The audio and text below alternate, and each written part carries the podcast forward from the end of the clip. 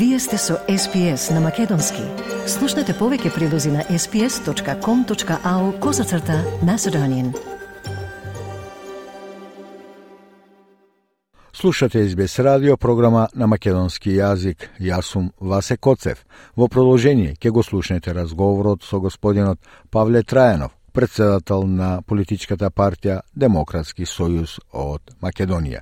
Со господинот Трајанов разговараме за актуелната политичка состојба во Македонија и предлогот за промена на Уставот и вметнувањето на бугарите во Уставот. SBS. SBS. SBS. SBS. SBS. SBS. SBS Radio. Господине Трајанов, добро дојдовте на програмата на СБС радио, програма на македонски јазик. Се надам дека во овие августовски топли денови имате и жешко политичко лето. Еве веќе помина една недела од закажувањето и завршувањето на Тобраниската седница за измените во Уставот. Заврши како што заврши. Па ќе замолам еден ваш став, дали очекувавте да дојде до тоа. Знаеме дека власта нема мнозинство. Па главно е тоа што апсолутно не претениците не учествуваа во расправа. Тоа значи дека беше оваа тест седница, дали има мнозинство или нема, се покажа дека за промена на уставот нема мнозинство претеници. Дополнително над 80% од граѓаните во Македонија исто така не се не прифаќаат уставни промени Така да стеницата не заврши во суштина, се усвои дневниот ред, тие што се јавија неколку, неколку тешки фундаменталисти со закани околу наводно албански општини, не знам кај ги види тој албански општини во Македонија. Сите општини се македонски, независно од етничкиот состав. Така да немаше некој амбиент за расправа, за дискусија и после тоа требаше Талат Джафери, спикерот, да предлог за отварање на уставот да го стави на гласане, меѓутоа тој направи практично повреда на деловникот, затоа што во салата имаше повеќе од 80 пратеници, или 100, таму 18 да. пратеници, 119, и имаше сите услови беа за гласање. А како ќе поминеше гласањето, тоа беше ќе видевме тогаш како ќе се изидат пратениците, но тој плашејќи се дека нема 80 пратеници за, односно ќе се повтореше истото гласање како и за дневниот ред, ескивираше и ја прекина седницата со што го прекрши деловникот. Но знаете кај нас а, многу работи не се почитуваат законите, во овој случај нависокиот акт за работа на парламентот деловникот се прекрши и сега статус кво. Тоа сега отвара можности за дополнителни притисоци, сега е да се вклучува меѓународниот фактор повторно, бржено два и така натаму. Вие излеговте состав за распуштање на собранието и предвремени парламентарни избори. Предвремени парламентарни избори бара и најголемата опозицијска партија во Македонија ВМРО да помане. Испративте и три барања до председателката на Европската комисија Урсула фон дер Лајен. Е, тоа е дека Советот на Европската Унија да донесе одлука со која ќе оврзи Бугарија да ги спроведе одлуките на Меѓународниот суд за човекови права од Страсбур, потоа од преговарачката рамка да се изостават билатералните прашања и Советот на Европската Унија да донесе одлука за македонскиот јазик дека ќе биде официјален јазик по приемот на Македонија во Европската Унија. Видите, значи има огромна манипулација и од Ковачевски, и Османи, mm -hmm. Маричешто и другите, тој СДСМ. Прво дека македонскиот јазик е решен, без точки, заперки, фусноти. Значи сите документи многу внимателно се проучени. Никаде не стои тоа.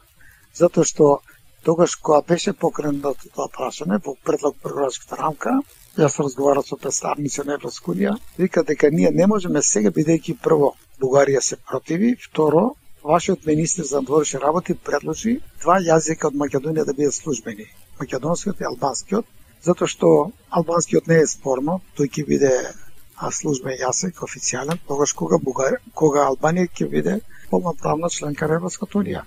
Значи има два проблеми излегоа и они тоа не го разрешија и, и натаму тврда дека све е разрешено. единствено во заклучоците на Советот на Европската Унија стои таму дека преводот на документите ќе се врши на македонски јазик. Тој и досега така се врши. Сите ние усогласуваме на нашите закони со директивите на Европската Унија, mm -hmm. ги а, значи сите тие документи се преведат и на македонски и на албански се преведат во парламентот, бидејќи парламентот двојазичен во суштина. Апсолутно нема нема никакво решение никаде тоа е оставено. Ја и предлагам, бидејќи има изјави дека тоа е решено, ако е решен македонскиот јазик да биде официјален, дајте тоа, заклучите Советот на, на, на Европската Унија, кажете дека македонскиот јазик ќе биде официјален службен во рамките на Европската Унија, веднаш по приемот на Македонија во Европската Унија. Значи тоа остана отворено и затоа го бараме ние од Европската Унија да го тоа среди. Втора работа која што спомнавте са историски, образовни и идентитетски прашања. Сите тие прашања се вградени во рамката. Еве само ќе посочам во во преговарска рамка, меѓу другото стои дека мора да да се имплементира договорот за добро соседство и пријателство помеѓу Бугарија и Македонија, посебно член 12, наместо протоколи, тие го сменија викат годишни прегледи, а протоколите се веќе усвоени, два протокола се усвоени помеѓу Македонија и Бугарија, каде што се преиспитуваат историските факти а, клучни за нашиот национален идентитет. Ја знаете колку се македонски дејци сега а, се преиспитува дали се тие македонци или бугари и што најмногу ја, јас им забележувам тоа што комисијата го отвори прашањето и за Охридска архиепископија. И признато на нова комисија, без било каков сам и национална свес, зборува, па вика ние само ги отвориме историскиот контекст на македонската да. на Охридската архиепископија. Преведено тоа после го објаснува дека бугарите во нашите ученици кои што ги воспитуваме децата, Бугарија може да напишат дека според нив Охридската архиепископија е бугарска, а според Македонија да, да стои дека тоа е македонска. Значи, нашите деца, македонци и сите што учат а, историја, ова историја, веќе им презентираме сомнеш. Наместо да градиме силна национална свест дека тие се македонци, дека таа црква е наша македонска, или Гоце Делчев, Јане Садански, да. Свети Кирил и Методи и така нато. Ние сега отворивме огромен простор за да ги сечат корењата на македонскиот народ, со тоа што ќе се загрози иднината или постојањето на македонскиот народ, јазикот и така. Трета работа што е клучно што бараме, реципроцитет околу признавање правата на македонците во Бугарија. Не сум да. тоа да ги признаеме правата еве на бугарите, ти сега ги уживаат сите права. Дури да се вградат и устот како и сите други албанци, не знам турци и така. Но бараме исчекор од Бугарија да го признае правото на здружување на асоциација македонци. Де факто на тој начин ќе признаат дека постат македонци затоа што тие културни домови, други асоциации треба да го да ги негуват националните обележија, јазикот, културата, обичаите и се она што е карактеристика на на еден народ, на една нација, да можат да го негуваат, да го да го развијат во напредот и така натаму. Е, без тој реципроцитет, тоа е главниот услов, значи ние бараме да издействува Европската унија или да охрабри. А, како што нас не храбри, вика ги охрабруваме Македонија и Бугарија околу протоколите, е добро што еден еве сме подписали на протокол да ги имплементират тие протоколи. Тоа ги охрабрат бугарите да ги спроведат имплементират од луѓето на Меѓународен суд за човекови права во Страсбург околу правата на македонците, правата на сдружување. Тие се три барања кои што јасно кристално ги доставивме до до Европската унија, до Урсула фон дер Лајн. Германскиот пратеник за Балканот, кога разговараше со мене, овие прашања ги отворив и тогаш ме рече, господине Триано вика, до сега никој од сите ваши носители, позиција, опозиција, никој не го поставил правото прашањето на реципроцитет. И прифати обратка да разговара на таа тема и да види какова реакција ќе биде на Бугарија да почне со имплементација од луѓе за Страсбург. Така да, значи, не е само да се зборува јаноста, ние конкретно чека направивме, еве, mm -hmm зборуваме, никој не не слуша, ни Ковачевски, ни Пендаровски, никој не ги интересира ништо, не само мене, ниту еден друг од а, носители на јавни функции, невладен сектор, медиуми што ги отварат овие дилеми прашања, апсолутно не ги интересира. Еве пратиме до Европска унија да видиме каква ќе биде нивната реакција.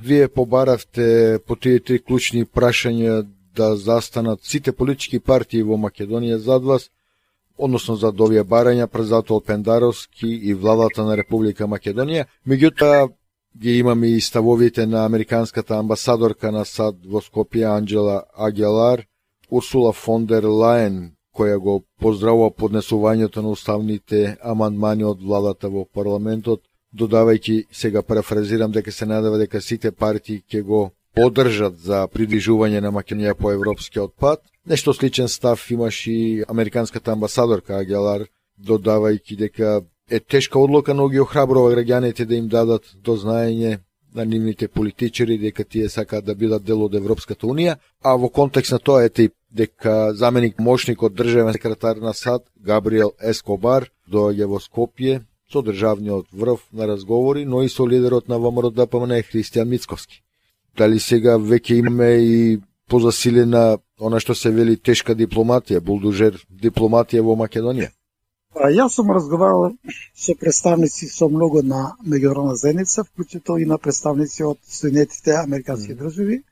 Во тие разговори моја сугестија беше бидејќи имаме исклучително добри односи, стратешки партнер со САД, натаму добијаме огромна меѓународна подршка на нашиот процес околу самостојна Македонија и значи долго време стоат цврсо зад Македонија. И дека имаме изборно исклучително добри односи и дека треба на тоа да се држиме, дека апсолутно не треба да се врши притисок врз македонскиот народ, врз граѓаните околу уставните промени, бидејќи тие не треба да се да се гледат одвоено од целиот пакет на на мерки содржани во документите на Европска унија за кои што зборуваме сега, дека подобро е така, независно што нивниот став ние го знаеме, бидејќи геостратешки интерес е сега Македонија да да се движи напред кон Европската унија, што не е спорно, бидејќи тоа сите ние го подржуваме. Јас сме членки на, на НАТО, нашата политика е усогласена со политиката на Европската унија, со НАТО, партиципираме во НАТО, ја помагаме Украина околу војните активности таму. И тука немаме ние никакви, да речеме, отстапување од генералната политика што ја води Америка и Европската унија. Сега се работи за национални прашања врзани за нашиот национален идентитет и тука мислам дека треба сепак малку да бидат повоздржани сад околу условно казано можниот иден притисок и не верувам дека ќе услугуваат. Веројатно ќе се разговара нова тема, но одговорот е сврз.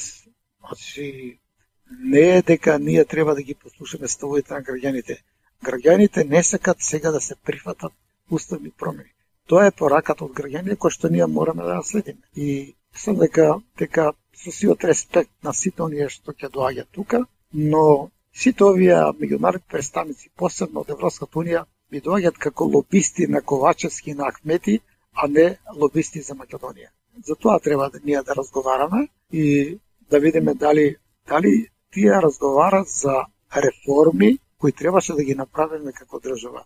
Дали требаше Ахмети со Ковачевски предходно со Заев да направат темелни реформи во повеќе области. Тука не видов дека вршат притисок, условувања, така да оваа тема околу македонските mm -hmm. национални прашања, мислам дека е доста сложна, тешка и да не очекуваат дека и Демократски сојуз, тоа веќе го слушаме и ВМРО, ДПМН, но и другите партии, дека ќе попуштат без, без разлика на притисокот условувања, да не речам доколку има и поостри форми на закани, апсолутно тоа нема да помогне.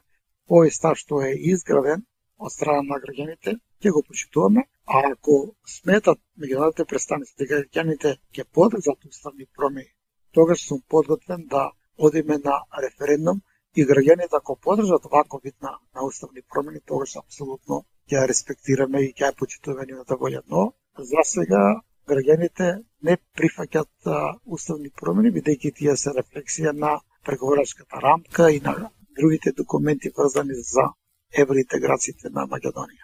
Се добива впечаток дека во Македонија сите политички партии се го следат тој евроинтегративен пат, сите се завлез во Европската Унија, но се добива впечаток дека не под вакви услови какви што се нудат во моментов за промена на уставот. А не спорно, јас речеме цело време од 90-те години АОК може би еден од носителите на промени, на реформи и дури, еве, за вашите слушатели, 99 година кога беше воената интервенција на НАТО во, во Југославија, во Србија, имаше иницијатива од Европска унија да ни помогнат со 400 милиона марки, али услов беше дека ние да поднесеме барање за членство. Тогаш видовме на воена седница дека сето тоа било лажи, дека ние имаме барање, дека што туку не не примеле во Европска унија, во НАТО, голем број на министри тоа го злоупотребува пред таа седница, зборам предходната влада, пред влада на Руче Јоргиевски. И тогаш за два сата се подготви апликација, мислам, барање и го доставиме за да да, да, да. ги добиеме тие потребни средства. Сакам да кажам дека дека а, сите се за, но вербално никој не презема конкретни чекори кои што се врзани за да го подобриме животот согласно стандардите на Европската Унија. Се разбира дека покасно многу влади работеа на, на реформите до сега, но клучно е тоа што оваа влада на Ковачевски и предходна Заев не направија ништо околу реформирање на повеќе области, клучни за евроинтеграцијскиот напредок. Така да и јас и голем број на сите луѓе што се со мене у партијата, ние сме сврсто поделени, за Врското Унија, тоа е наш национален, државен, стратешки, граѓански интерес и од тоа ние не отстапуваме. Вие излеговте состав за распуштање на собранието и предвремени парламентарни избори. Предвремени парламентарни избори бара и неголемата опозицијска партија во Македонија ВМРО да помане. Дали е тоа излезот од кризата според вас? А, наш национален сега стратешки интерес, бидејќи не победи а, тоа што го бара ДУИ и СДСМ, со тоа што де факто они влегува во голема криза и во влекува државата. Единствен национален интерес сега, единствен израз е да се одржат предвремени парламентарни избори. После изборите, партиите што ќе победат, тогаш нека креират решение како и на кој начин ќе движиме Македонија кон Европската Унија. Ако победи СДСМ со ДУИ, тогаш тоа што ќе го предложат ќе го поддржаме сите. Но според сите анкети, тие ќе загубат. Значи, ќе има најголем пораз ќе доживее сега да СДСМ на овие парламентарни избори, без разлика кога и да се одржат, дали сега ќе бидат предвремени или не знам, напролет. За секој случај, а не се не само да речеме евроинтеграцијските процеси кои што апсолутно не значат само промена на уставот, требаше да имаме владење на правото, судски реформи, борба против корупцијата и многу други работи кои што а, не се реформирани. Значи, за 6 или 7 години СДСМ и ДУИ не спроведува ниту една единствена реформа, крупна реформа во државата. Главна реформа е промена на уставот, уставни промени, уставни промени. Тоа не е реформа, тоа е значи прифаќање а, mm -hmm. некакви одлуки од страна на Бугарија или политика на коленичење и затоа овој процес е практично токму од овие две партии блокиран. И изборите се решени, ако они мислат за интересите на државата, треба да прифатат да одиме сите сега на парламентарни избори и после тоа ќе ќе се движат работите многу поорганизирано и во интерес на, на Република Македонија. SBS. SBS. SBS. SBS. SBS. SBS. SBS Radio. На програмата на македонски јазик на СБС радио го слушавте разговорот со господинот Павле Трајанов, председател на политичката партија Демократски сојуз. Сакате ли да чуете повеќе прилози како овој? Слушате подкаст преку Apple Podcasts, Google Podcasts, Spotify или од каде и да ги добивате вашите подкасти.